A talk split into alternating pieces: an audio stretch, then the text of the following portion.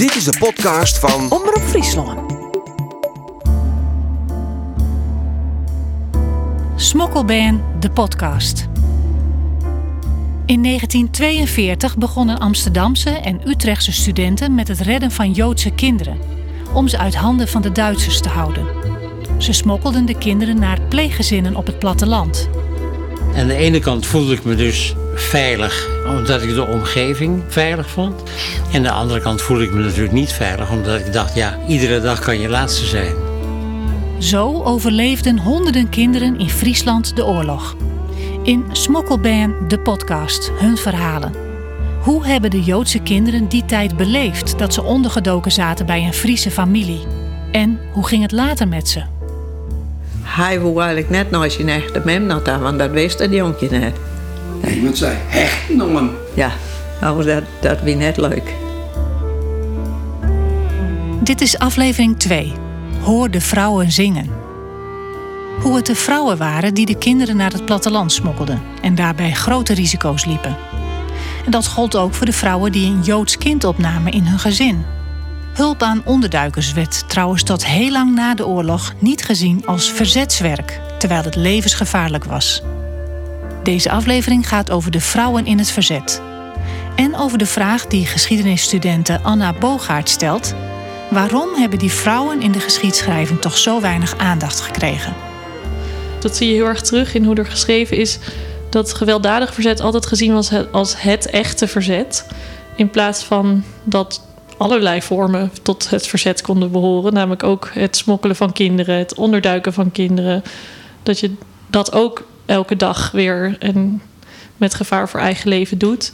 Dat was toch minder heldhaftig. Dus dan ook minder interessant om dat zo te zien. En toch ook minder mannelijk eigenlijk. En daarom dus ook minder belangrijk. Ik ben Karen Bies en ik maak deze podcast samen met Gerard van der Veer.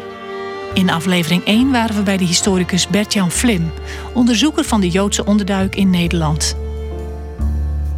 Was het nu zo dat zeg maar, toen die kindersmokkel vanuit Amsterdam richting Friesland echt op gang kwam, dat er bijna dagelijks zeg maar, kinderen naar Friesland werden gebracht? Of, of Ja. een paar in de week? Ja, wel een paar in de week, ja. Ja. Dus dat was eigenlijk gewoon een hele organisatie. Iet van Dijk deed niks anders. En Mieke Mees, haar eh, compaan, eh, die deed niks anders dan, dan met die kinderen reizen. En niet alleen in Friesland, dan ook nog eens een keer naar Limburg. Dag in dag uit eigenlijk. Ja, Iet van Dijk is dag in dag uit met die kinderen op jou geweest. Maanden achter elkaar. In deze podcastserie komen de verhalen van de Joodse kinderen in Friesland voorbij. Niet alles tegelijk, stukje bij beetje wordt duidelijk wat er is gebeurd. Welke keuzes mensen maakten. We interviewen de Joodse kinderen nu 76 jaar na de bevrijding. We praten met mensen die op een andere manier betrokken waren. Of mensen die net als wij gegrepen zijn door deze geschiedenis. Zoals Anna Bogaert, student in Amsterdam. Vandaag ga ik naar haar toe. Anna werkt bij filmtheater Criterion in Amsterdam. En ook die plek heeft met het verhaal te maken. Want Criterion is na de oorlog opgericht als studentenbioscoop door Piet Meerburg, de leider van het studentenverzet. Criterion zit in de Routestraat. En onderweg loop ik langs de Hollandse Schouwburg. In de oorlog de verzamelplek voor de Amsterdamse Joden voordat ze naar Westerbork gedeporteerd werden. Daartegenover de crash. Terwijl ik langs de crash loop, denk ik aan Iet van Dijk, medicijnstudenten. Een van de vrouwen die in het geheim Joodse kinderen uit de crash haalden. En ze brachten in ruim een jaar tijd meer dan 100 kinderen naar Friesland. Iet was toen 24 jaar. Net zo oud als Anna Bogaert nu. Ik ontmoet Anna bij Criterion. Hallo. Ja, ben je Anna? Ja, Hoi, ik ben Karen. Hoi. Hoi. Eerst even een kopje koffie. Is goed? We kunnen even kant. eh, Ja, graag. Ik ga aan de bar zitten in een grote ruimte. Om me heen her en der studenten met hun laptop. Wat een relaxte sfeer hier.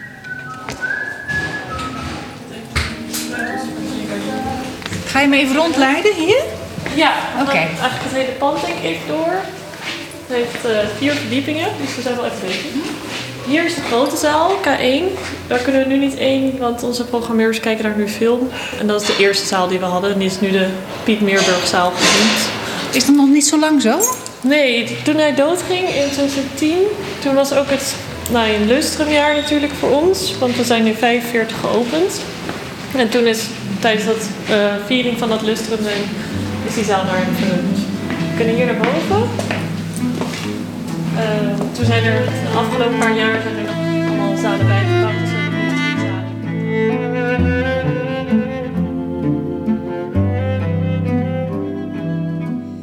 Anna, wat is Criterion eigenlijk voor gebouw? Ja, het is een heel, nou, in eerste instantie een heel groot gebouw met heel veel geschiedenis ook. Dus in alle opzichten vrij groot. Er zat eerst een Joodse vereniging in dit gebouw, de Handwerkersvriendenkring.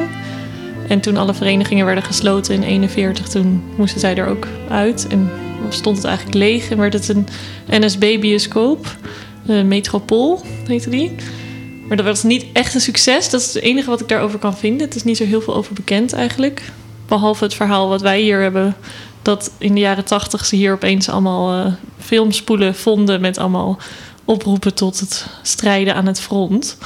Van de NSB? Ja, van de NSB of van de SS. Of een combinatie. En ik ben nog op zoek naar die rollen. Want ik wil ze eigenlijk heel graag bekijken. Om te weten wat er hier dan werd vertoond in die jaren.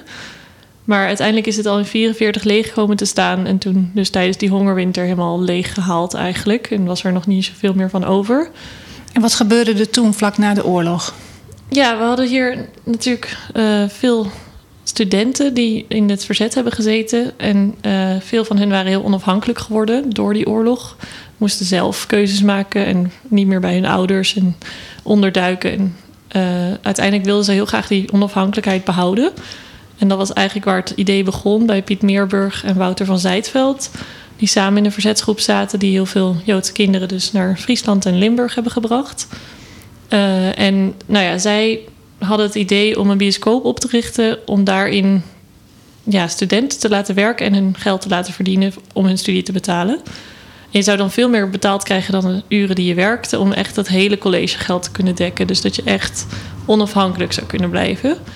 En nou ja, dat is het eigenlijk nog steeds, behalve dat financieel iets anders in elkaar zit dan toen. Maar hoe zat het toen dan financieel in elkaar? Wie betaalde dat dan? Ja, dat was dus echt een stichting die je dus uitbetaalde van de winst die het bedrijf maakte. Dus dat is eigenlijk uh, hoe dat dan zat. Dat werd gewoon uitgekeerd aan de medewerkers. En het was echt opgericht om, ja, echt niet voor de, in die zin niet voor de bezoeker, maar echt voor de werknemer die dan zo goed mogelijk kon studeren. En liep dat? Ja, vanaf het begin. Iedereen was echt heel enthousiast. Er was natuurlijk heel lang geen Amerikaanse film in de bioscoop te zien. En heel veel bioscopen waren überhaupt gesloten. En hier kon je opeens uh, Gone with the Wind, uh, A Brief Encounter... die kon je opeens allemaal bekijken. Die in de jaren 40 waren uitgekomen, maar nog niet in Nederland. En dat was echt een groot succes. Mensen waren zo blij dat je na de oorlog eindelijk weer leuke dingen kon doen. En het heeft ook slechte tijden gekend. Maar over het algemeen is het altijd wel goed gegaan uiteindelijk. En betekende Criterion dan uh, na de oorlog ook veel meer voor die jonge mensen dan alleen een bioscoop? Ja, zeker voor de mensen die hier werkten. Het is echt een hele bijzondere plek daarin dat hier iedereen die hier werkte in die eerste paar jaar allemaal bij het verzet hebben gezeten. En ze elkaar daarin ook konden vinden. Ze waren niet allemaal deel van dezelfde groep geweest, maar wel van ja, toch een soortzelfde beweging tegen de bezetter. En dat was eigenlijk heel verbindend. Ik denk dat het eigenlijk het grootste deel was wat ze verbond, was dat ze dat samen allemaal hebben gedaan. Want het waren eigenlijk heel veel verschillende mensen van heel veel verschillende geloven. En soort van, daar was helemaal niet een overeenkomst per se in. En dat ze natuurlijk allemaal wilden studeren. Dus dat was wat heel erg verbindend zou hebben gewerkt. En er wordt ook over die tijd echt gezegd dat die, ja, dat, dat verzet echt de kracht was van hoe zij hier dat samen gingen doen. En dat ze ook zonder dan altijd te hoeven uitleggen waar je mee zat, ook emotioneel, dat je elkaar toch kon begrijpen.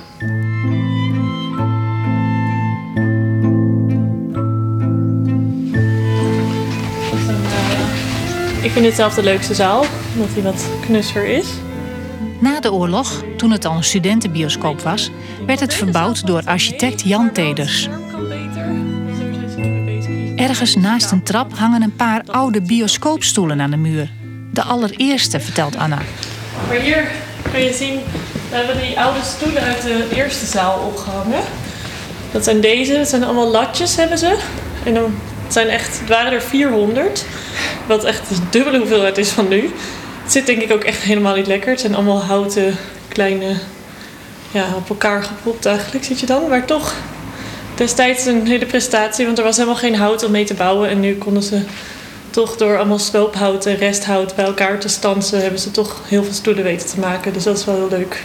En dat was vlak na de oorlog. Ja, we hadden een binnenhuisarchitect, Jan Teders heet hij. En hij heeft zelf ook in de oorlog schuilplaatsen gemaakt. En hij ging eigenlijk in juni al, dus echt twee maanden later, aan de slag om uh, ja, criterium weer een beetje op te gaan bouwen eigenlijk letterlijk. Want het was helemaal gestript dit hele pand. Vanwege de hongerwinter was er helemaal geen hout meer. En dat heeft eigenlijk alles uit het pand is ook weggehaald daardoor. Dus alle deuren en de vloeren en zo. En hij heeft dat toen opgebouwd. En hoe lang werk jij hier al, Anna? Ik ben hier eigenlijk begonnen omdat mijn tante en oom ook hier hebben gewerkt. En ze hebben elkaar hier ontmoet. En we hebben eigenlijk helemaal opgevoed met gewoon hoe leuk het hier is. En alle verhalen en hun vrienden die ze hier nog steeds van over hebben. Op een gegeven moment zocht ik ook iets nieuws om te doen. En toen waren zij heel erg van, waarom niet criterium? En toen dacht ik, ja, waarom, waarom niet? En toen bleek het ook nog helemaal te kloppen. ik dacht dat mijn tante misschien alles had overdreven hoe leuk het was. Maar het is echt nog veel leuker dan dat. Dus dat is wel heel leuk. Dus de verhalen van Criterion spelen in jouw uh, familie ook een rol? Ja, heel erg. Ja, ik ben er echt mee opgegroeid eigenlijk. Dus je weet ook echt alles van de geschiedenis? Ja, uiteindelijk denk ik echt dat doordat ik het al zo lang ken, dat het uh, ja, wel ook mijn interesse altijd al heeft gehad eigenlijk. En ergens bovenin Criterion gaan we er even voor zitten. En ik vraag haar waarom ze juist onderzoek doet naar de rol van de vrouwen in het studentenverzet en bij de kindersmokkel. Omdat met name over de vrouwen heel weinig bekend is. En ik eigenlijk juist zelf ook verbaasd was dat zij hier werkten en ook in het verzet hadden gezeten. Ik dacht dat het alleen de oprichters waren. En twee jaar geleden kwam ik er dus achter dat dat helemaal niet zo was. En toen was ik eigenlijk heel benieuwd van oké, wat hebben zij dan gedaan en waarom weten we zo weinig van hun? En vertel eens wat je nu te weten bent gekomen over die vrouwen. Nou ja, eigenlijk heel veel. Dat het niet klopt dat we niets van ze weten, is denk ik het grootste wat je ontdekt. Dat het echt hele bijzondere mensen waren. Eigenlijk net als de mannen heel veel hebben gedaan. En dat ze nou ja, veel meer eer verdient dan er nu uh, hun toekent komt. Maar uh, vooral dat zij eigenlijk niet alleen het verzorgende deel, waarin dus echt zij alleen maar de opdrachten van mannen uitvoerden, wat vaak het beeld is. Uh, dat zij ook echt veel zelfstandige keuzes hebben gemaakt. En dat er überhaupt heel veel vrouwen in het verzet zaten. Um, en dat die echt ook, ook ter ondersteuning van mannen, maar ook echt zelf dingen hebben opgezet en zelf uh, heel veel goed werk hebben gedaan. En dus ook vooral heel veel met Joodse kinderen en onderduikers hebben gedaan, omdat zij nou eenmaal makkelijker over straat konden met een kind. Dat viel minder op dan met een, als een man dat deed. En dat is eigenlijk waarom zij zo belangrijk zijn geweest eigenlijk. Wie waren zij? Als je het over criteriumvrouwen hebt, vaak gelieerd aan de groep van Piet Meerburg en Wouter van Zijtveld. En dat is de ASG-groep, de Amsterdamse studentengroep. Maar die kende ook een groep in Utrecht, het Utrechts Kindercomité. En daar zaten heel veel vrouwen in, eigenlijk veel meer dan mannen. En toch vertellen we het altijd over nou, Piet Meerburg. De zaal is naar Piet Meerburg vernoemd. En dat is ook niet gek, omdat hij natuurlijk bij criterium belangrijk was. Maar die groep was ook, uh, nou, ik denk acht vrouwen ongeveer. En zijn vriendinnetje bijvoorbeeld was een van die vrouwen. Hansje van Lochem heet zij. En zij zat bij het AVSV, de, de vrouwelijke kant van het studentenkoor. En zij had daar zo'n dispuut in een huis waarin ze woonde met heel veel vriendinnen. En heel veel van die vriendinnen zijn uiteindelijk door haar ook bij die groep gekomen. Dus Gisela Sunlijn ken je misschien ook qua naam. Of um, Mieke Mees, Iet van Dijk. Ze zijn allemaal via die uh, connectie bij het verzet gekomen.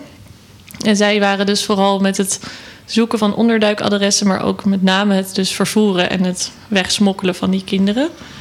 Uh, en dat deden ze zowel in Amsterdam als in Utrecht. En ben je veel te weten gekomen ook over al die vrouwen individueel, waar ze vandaan kwamen, waarom ze dit deden?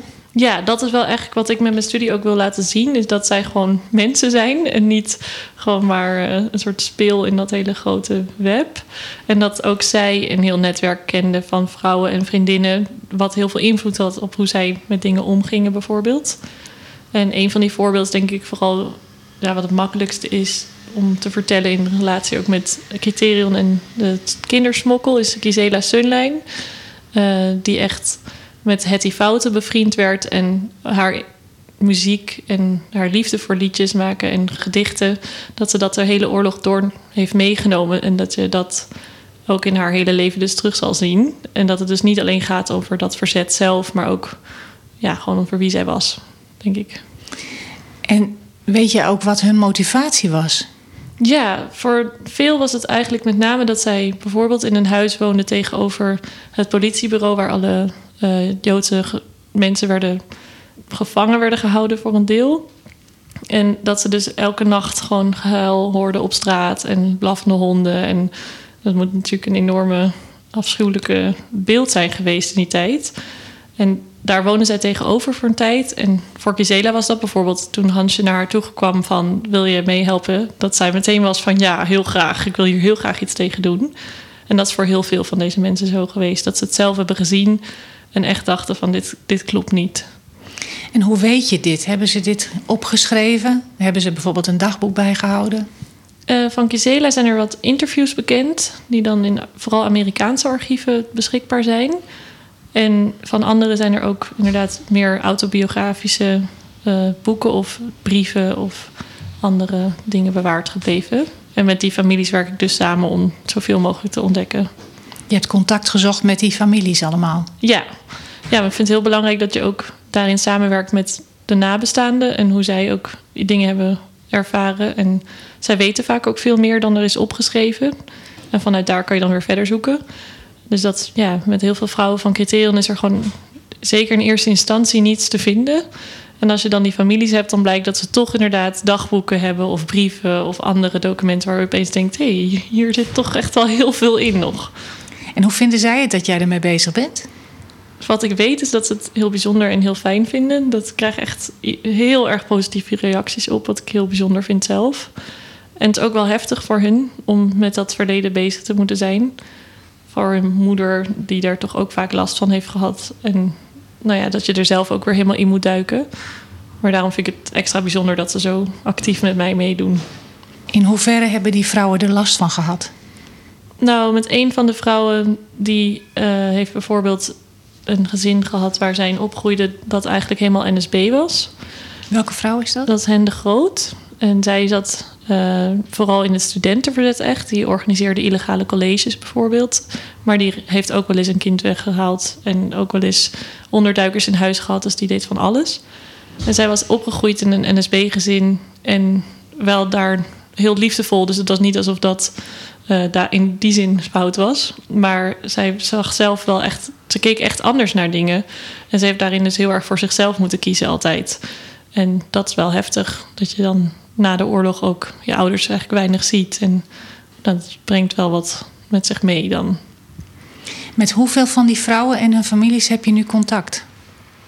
Ik denk voor de criteriumgroep, die bestond uit 16 medewerkers in 45. En dan zijn er zes daarvan vrouw. Dus met al die mensen.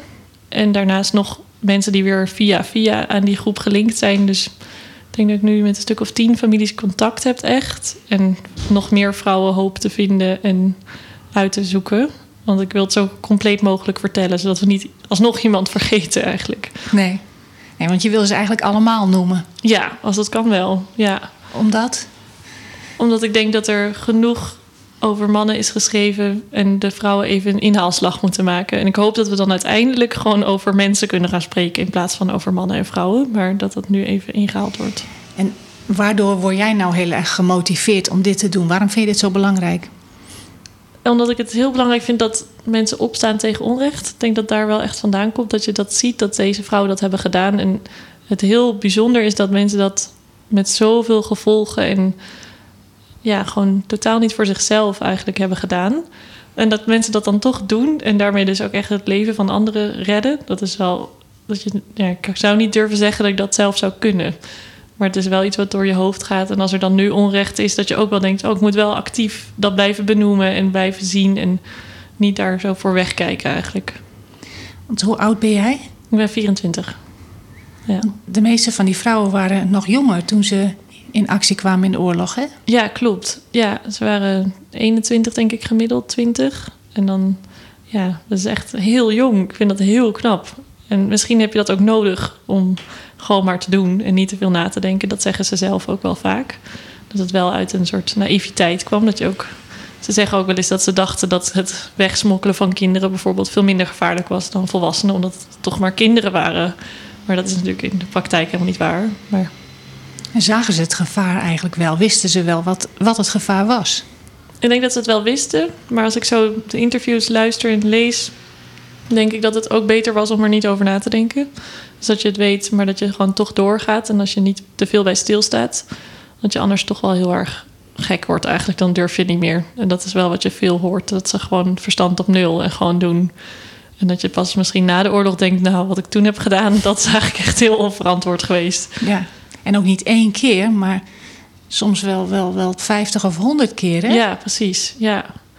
ja, en dan denk ik dat je misschien er ook aan wendt, het omgaan met dat gevaar. Maar tegelijkertijd zijn het ook zoveel afschuwelijke dingen dat je kan me niet voorstellen dat het echt wendt uiteindelijk.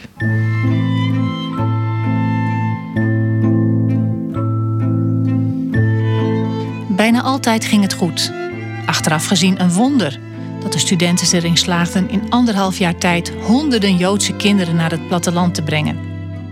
Maar het ging ook een keer goed mis, vertelt Anna. Ik denk dat ik met name het verhaal van Gisela Sunlein en Hetty Fouten, daar heb ik ook nu het meeste onderzoek al naar gedaan, dat ik hun heel bijzonder vind, omdat zij niet alleen in het verzet hebben gezeten, maar ze zijn er ook voor opgepakt. Eh, in Brabant, daar hadden ze kinderen en die bleken fout te zijn. En toen is er besloten die familie te liquideren. Die familie was fout, bedoel je? Ja, die familie was fout, waar die kinderen ondergedoken zaten. Dat kreeg zij zo via via te horen. Nou, dat was natuurlijk echt een grote schok voor de groep, want ze wilden dat absoluut niet. En die familie wist ook hun namen, dus dat was echt een groot gevaar dat zij dat wisten. En toen is in de groep uiteindelijk besloten dus om die familie, ja, grof gezegd, uit de weg te ruimen. Omdat het eigenlijk de enige optie was om te zorgen dat het niet zou worden verraden. Die hele groep zou worden verraden. Ja, echt. En alle kinderen die daar dan bij hoorden. Dus dat was te veel risico. En dat was echt iets wat helemaal niet paste bij die groep. Het waren helemaal geen gewelddadige groepen. En het moest opeens, omdat het, ze niet een andere uitweg zagen. Maar dat is helemaal mislukt. Die man is wel uiteindelijk overleden, maar die vrouw niet. Wat gebeurde er? Hoe deden ze het? Ja, ze hadden een knokploeg ingehuurd of ingeschakeld. Het is allemaal een beetje een vaag verhaal hoe dat is gegaan. En ze willen er ook niet altijd even graag over spreken, omdat het echt wel heel heftig was.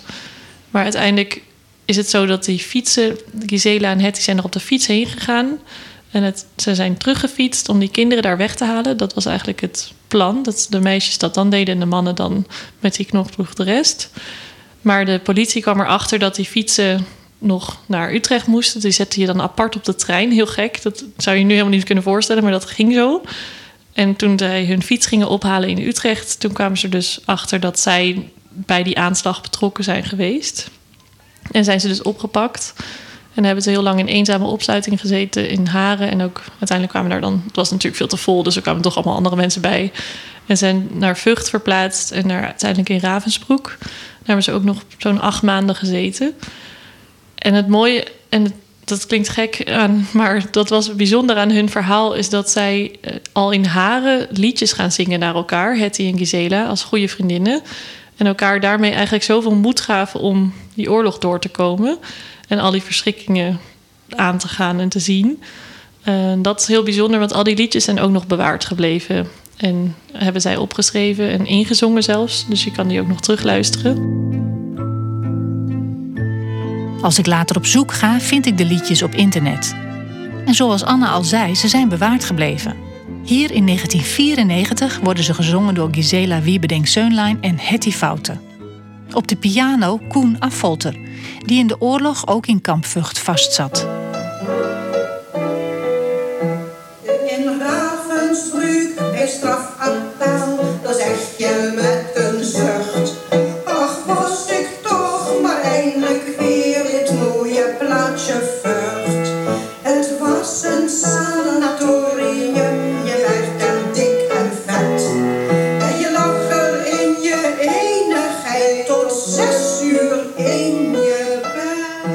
dat is dus soms op een bestaande melodie gedaan. En dan maakten ze een nieuwe tekst. Of het waren gewoon gekke, zelf, alles zelf bedacht. Een beetje cabaret-achtige vorm. Ik vond het heel gek toen ik het voor het eerst luisterde. Dus je kan helemaal niet voorstellen dat iemand in een kamp nog zulke liedjes kan verzinnen. Maar dat kon dus toch. En het is heel bevreemdend, want ze zijn heel positief en heel vrolijk. Terwijl je weet dat dat helemaal niet zo was. En dat erkennen zij ook, dat het afschuwelijk was. Maar je toch een manier moet vinden om daarmee om te gaan. En dat heeft hen ook dan ja, er echt doorheen geholpen. Dat ze dat voor elkaar gingen doen. Ja, die werd op een gegeven moment ziek. En dan ging Gisela aan haar, voor haar een liedje bedenken overdag. En dat ze dat dan s'avonds aan haar kon zingen. En ook dat ze in de barakken dan voor al die andere vrouwen konden zingen. Ook al konden sommige vrouwen niet zelf meer meezingen, omdat die het gewoon echt niet meer aankonden. En dan toch gaven zij een soort van hoop met die liedjes. En dat ja, raakte me heel erg toen ik dat verhaal ontdekte. De moffen willen beletten dat de tommies ons ontzetten, ga je op transport. Reist per spoor, veilig, vlug, voordelig, voor het lichaam wat nadelig. Auw. Ja, die zijn dus opgeschreven en later ook nog eens een keer ingezongen toen ze veel ouder waren. En dat heet Hoorde Vrouwen Zingen. En het mooie is dat Criterion geopend is met die liedjes eigenlijk in 45. Toen we in november geopend waren, was een heel groot feest, een gala-voorstelling. En het bizarre vind ik dan om dat contrast te zien tussen die oorlog en dan het positieve wat Criterion gaat brengen. Dat namelijk Gisela dan op een gegeven moment in die avond een paar van die liedjes die zij in dat kamp heeft gemaakt gaat voordragen samen met een pianiste die zij dan kent. En dat ze daar dus dat zingt en vertelt over haar kampervaring. Eigenlijk al heel vlak nadat ze daaruit is. En dat heet Hoorde Vrouwen Zingen, omdat op een gegeven moment gaat Vught wordt ontruimd. Omdat de geallieerden te dichtbij komen en de Duitsers krijgen stress. Dus iedereen moet in één keer er allemaal uit. En dan worden die vrouwen in overvolle wagons gepropt. En net als de mannen gaan ze eerst heel lang richting Berlijn, richting Sachsenhausen daar in de buurt. En op een gegeven moment worden die wagons ontkoppeld en gaan de vrouwen naar Ravensbrück en de mannen verder richting Sachsenhausen. En dan gaan de vrouwen zingen. En dan zegt een van die mannen in die wagon, die het uiteindelijk dus ook overleeft, zegt: Hoor de vrouwen zingen. En hij haalt daar een soort kracht uit ook van: oké, als zij nog kunnen zingen onder deze omstandigheden, dan moet er toch iets in het leven zitten wat gewoon dat echt waard is. En dat is waarom dat boek zo heet. En dat vind ik ook een hele mooie gedachte, dat dat zo sterk aanwezig was. Dat is sowieso bij die vrouwen heel bijzonder dat zij van alle kleine dingen zo ontzettend gaan genieten. Omdat dat het enige is waar je nog ja, dat uit kon halen. Die liedjes waren echt een manier om tegen dat ontmenselijke, wat in zo'n kamp gebeurt, om daar tegen in te gaan. Om de mens te blijven eigenlijk.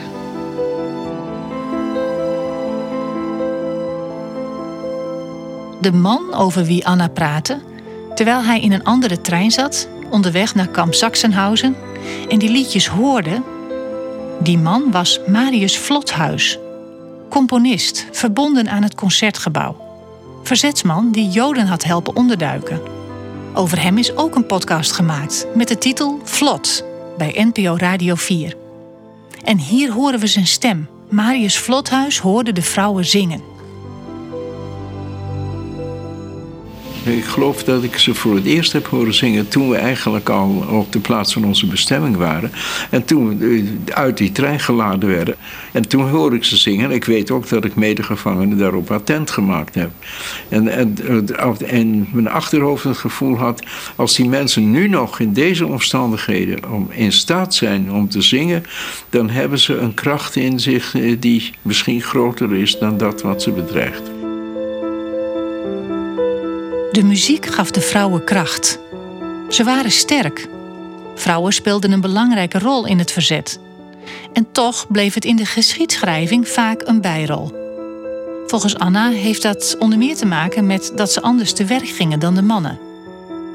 Dat had er ook mee te maken met wat de verwachting van een man en een vrouw was destijds. En eigenlijk zie je toch dat heel veel van die dingen die vrouwen deden ook in lijn lagen met wat zij toen überhaupt moesten doen. Dus dat voor kinderen zorgen was natuurlijk zeker toen heel normaal dat een vrouw dat deed. En dat zie je dus in het verzet ook terugkomen. En ik kan me ook voorstellen dat zelfs het gedrag van mannen en vrouwen verschilde. Dat de mannen toch misschien ook in hun functie in de samenleving en in hun positie daarin graag die helden wilden zijn en avontuurlijk en stoer en mannelijk. En die vrouwen dan veel meer op de achtergrond moesten blijven, want dat was hun rol als vrouw, dat je daar juist niet die aandacht voor opvroeg. En dat zie je denk ik ook heel erg terug in waarom zij dus zo lang vergeten zijn. Is dat ze er gewoon heel vaak niet over praten en het gewoon hebben gedaan. Omdat vrouwen ja, gewend zijn om meer op de achtergrond te zijn? Ja, ik denk dat het wel echt zeker destijds. Het is natuurlijk altijd een beetje gek omdat nu misschien wel anders zou zijn dan toen. Maar dat dat zeker destijds normaal was om daar niet mee te gaan ja, te koop gaan lopen. En dat wisselt wel per vrouw. Maar bij deze groep heb ik het idee dat je dat heel erg ziet. Hoe keken die mannen toen tegen uh, die, vrouwen aan? Nou ja, niet in termen die wij nu nog hopelijk zouden gebruiken daarvoor. Um, in interviews met Piet Meerburg bijvoorbeeld spreekt hij altijd over de meisjes. En dat is dus die groep van 8 tot 12 vrouwen die dus dat smokkelwerk deden. En meisjes klinkt wat mij betreft niet echt als de term voor een verzetsvrouw. Die gewoon echt zelfstandig en uh, veel gevaarlijk werk heeft gedaan. Ze waren ook heel jong natuurlijk, dat wel. Ja, klopt. En het was destijds ook een normale term om te gebruiken voor vrouwen en zeker voor meisjes dan.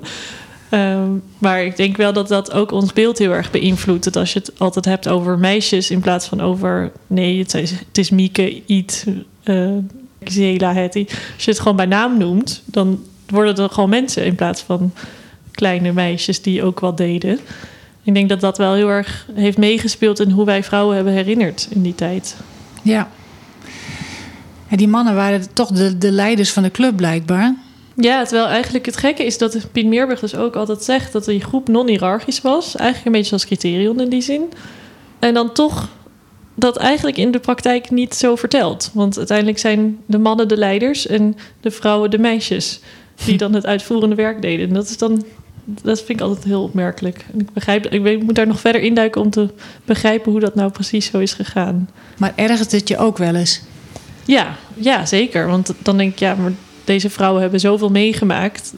En ze zijn ook allemaal individueel, hebben zij verschillende dingen meegemaakt. Dus als je dan spreekt over meisjes, dan is dat één groep waar dus ook vaak geen aandacht meer aan wordt besteed. Want dat is dan weggezet en dan kan je weer verder met je eigen verhaal. Dat is dan zonde, want er zit zoveel meer in hun. Ja. Aan jou de taken, Anna. ja, dat denk ik ook. Ja je ziet het niet alleen bij Piet Meerburg of andere verzetsmannen die dan over dat verleden praten, maar ook bij historici die daarover schrijven. Want Lou de Jong is natuurlijk onze grote historicus wat betreft de Tweede Wereldoorlog. En het is echt geweldig, zijn werk. Het is zo knap dat je zo ontzettend veel onderzoek hebt gedaan. Maar ook daar worden vrouwen bijna nooit bij naam genoemd. En is het altijd de vrouw van of de studenten. En dan gewoon geen naam. Terwijl bij de mannen dat wel altijd gebeurt. En het is daarom heel scheef wordt, want dan weet je dus helemaal niet over wie we het hebben. Nee. En als dat het standaard werk is, waar zelfs nu nog veel, ook al is het kritisch bekeken, nog wel veel gebruik van wordt gemaakt, dan krijg je toch een ander beeld van wat het was. Ja, er zijn natuurlijk wel een aantal vrouwen heel beroemd geworden. Hannie ja. Schaft of Esmee van Egen. Ja, dat klopt. En dat is meestal als zij. Het zijn vaak uitzonderingen en meestal omdat zij echt gewelddadig verzet hebben gepleegd. En dat is eigenlijk ook, dat zie je heel erg terug in hoe er geschreven is, dat gewelddadig verzet altijd gezien was als het echte verzet. In plaats van dat allerlei vormen tot het verzet konden behoren. Namelijk ook het smokkelen van kinderen, het onderduiken van kinderen. Dat je dat ook elke dag weer en met gevaar voor eigen leven doet. Dat was toch minder heldhaftig. Dus dan ook minder interessant om dat zo te zien. En toch ook minder mannelijk eigenlijk. En daarom dus ook minder belangrijk. Dat is echt een andere manier van denken die gewoon lang wel zo is geweest. Ja. Anna Bogaert. En komende zomer hoopt ze de eindscriptie van haar studie geschiedenis af te hebben. Dit was deel 2 van de podcast Smokkelban. Volgende keer het verhaal van Jacques Koppels. Als elfjarig Joods jongetje ontweek hij de razzia's door de hele dag onderweg te zijn op zijn autopet, dwars door Amsterdam. Hij is ook te zien in deel 1 van de Friesland Doc TV-documentaire Smokkelbaan. Kijk op omroepfriesland.nl slash frieslanddoc. Meer verhalen over de Joodse kinderen kun je lezen in het Fries Dagblad en de Leeuwen de Courant. Smokkelbaan is een podcast van het project De Terugkeer van de Joodse Kinderen en Omroep Friesland. Muziek van Johan Johansson, Fabian Reumer, de Silk Road Ensemble met cellist Jojo Ma. Montage Harry Zwerver. Technische hulp van Willem de Boer, Steven Scholte en Martin Wiebinga. Vormgeving Hugo Bosgraaf. Redactie Karin van der Werf, online redactie Marijke de Boer. Makers van de podcast Gerard van der Veer en ik ben Karen Bies. Abonneer je op de podcast via Spotify, Google of iTunes en luister naar elke nieuwe aflevering van Smokkelband.